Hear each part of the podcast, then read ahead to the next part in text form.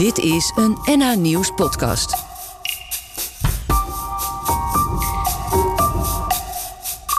Ik raakte mijn baan kwijt. Ik kreeg baarmoederhalskanker. Ik kreeg eigenlijk pech op pech.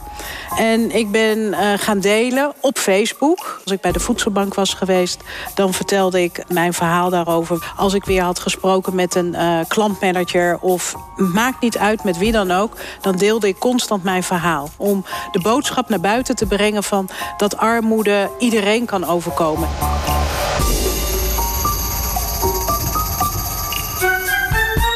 En die boodschap naar buiten brengen, daar is Stella nog steeds doorlopend mee bezig. Intussen zit ze aan tafel bij beleidsmakers en op ministeries om te bereiken dat het taboe rond arm zijn er eindelijk eens vanaf gaat. Met die drijfveer vertelt ze haar verhaal ook bij NH. Op de sokkel naast haar legt ze twee kleine voorwerpen die waardevol voor haar zijn: een kettingje en haar mobiele telefoon. Dit is het podium waarop inspirerende Noord-Hollanders ons vertellen wat hen drijft. Dit is de plek voor onze strijders.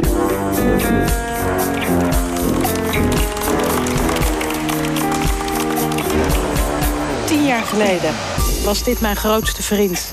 Dat is mijn mobieltje.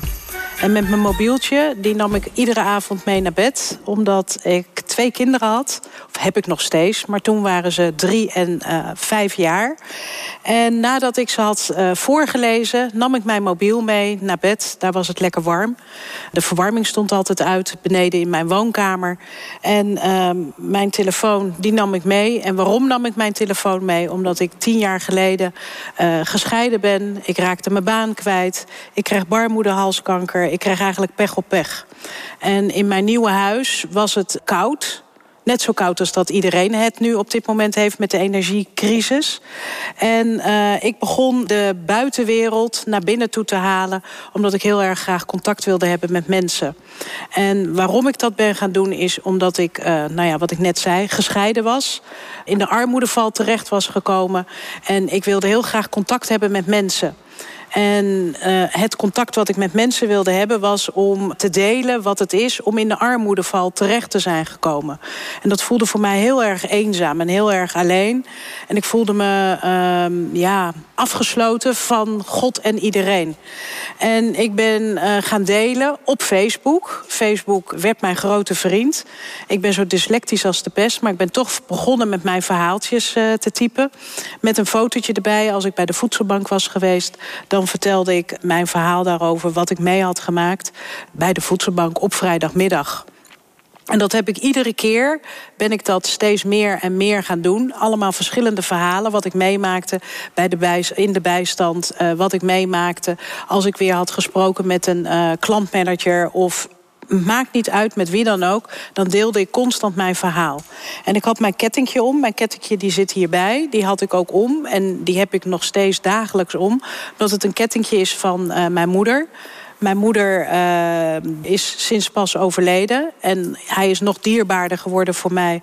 Omdat het een hartje is en dicht bij mij staat.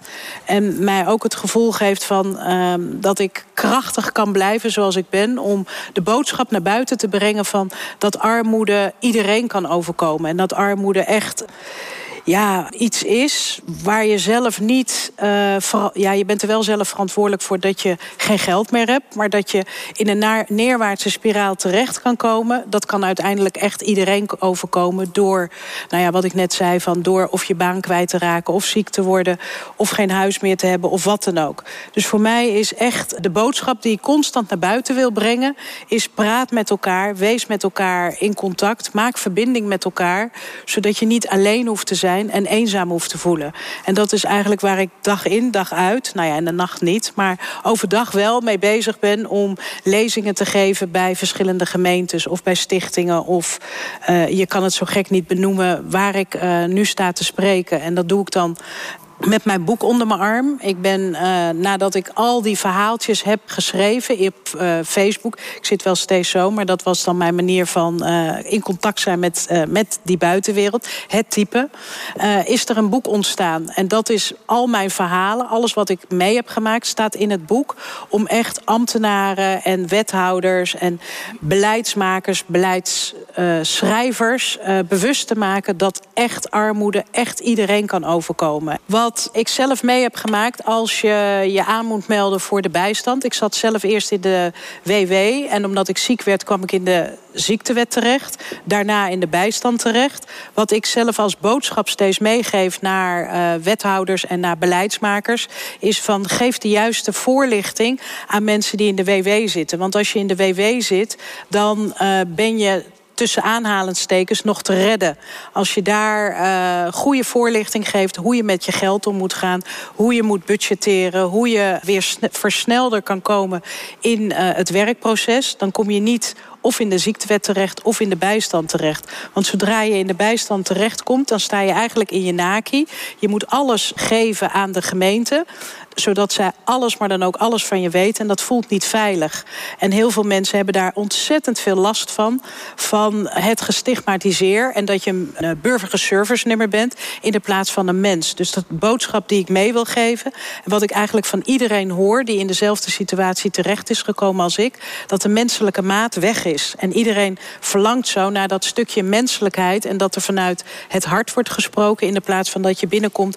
En dat er gelijk wordt gekeken op een papiertje van oh, je bent die en die, maar niet echt contact maken. En ik denk dat dat de boodschap is die ik persoonlijk het belangrijkste vind, die ik hoor en die ik ook over wil brengen naar heel veel beleidsmakers en mensen die zich echt hier hard voor maken om het verschil te maken kan dat alleen maar als je echt de mens ziet. En wat ik zelf ook heel erg belangrijk vind, is dat je je waardigheid als persoon niet gaat koppelen dat je eventjes geen baan hebt. Want als je geen baan hebt, dan kan je ook nog op een andere manier zinnig bezig zijn met vrijwilligerswerk. En vrijwilligerswerk is ook een toegevoegde waarde voor in de maatschappij. Dus ik denk dat dat ook veel meer gezien kan worden. En dat krijg ik ook terug als ik uh, nu door uh, nou ja, toch wel heel Nederland aan het reizen ben. Dat heel veel mensen een angst hebben om weer te werken. En uh, dat vrijwilligerswerk geeft ook voldoening om weer de volgende stap te kunnen maken om terug te komen in het arbeidsproces. En dat is mijn boodschap wat ik heb over armoede. Om mijn eigen verhaal constant in te zetten. En niet omdat ik zo belangrijk ben. Maar armoede is gewoon bestaanszekerheid die we eigenlijk allemaal uh, verdienen en horen te krijgen. Om gewoon een veilig huis te hebben, een prettige omgeving te hebben in je, in je, in je zijn wie je bent. Dat je je ook verder kan ontwikkelen en dat je je niet constant bezig hoeft te houden met overleven. Maar dat het uh, leven ook weer gewoon leven wordt voor iedereen. Dus armoede uh, vind ik eigenlijk dat dat woord niet meer gebruikt moet worden. Maar dat we met elkaar kunnen zeggen van nou ja, het gaat over bestaanszekerheid. Dat vind ik de belangrijkste boodschap die ik naar buiten wil brengen. En wat ik graag met jullie wil delen.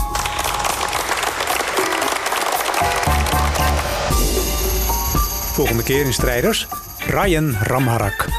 Die als meisje geboren wordt, ontdekt dat hij trans is en ook in transitie gaat. Dat maakt het voor hem niet onmogelijk om zwanger te worden en zijn eigen kind te dragen. Voor hem is dat een natuurlijk proces, maar al gauw blijkt dat de zorg daar minder goed op ingespeeld is. Die ene keer dat ik naar de spoed moest, omdat ik mijn kindje niet meer voelde. En ik zat daar in de wachtkamer bij de vrouwenspoed, want zo heet dat. En er zat een plakkaat op de muur dat er alleen maar vrouwen mochten zitten op die bankjes. Want het was voor de vrouwenspoed. En ik dacht, ja, en ik dan? Ik ben zwanger, ik zit hier voor mijn kindje, ik heb stress, want ik voel mijn kindje niet meer. Ben ik wel welkom? Of word ik straks weggestuurd?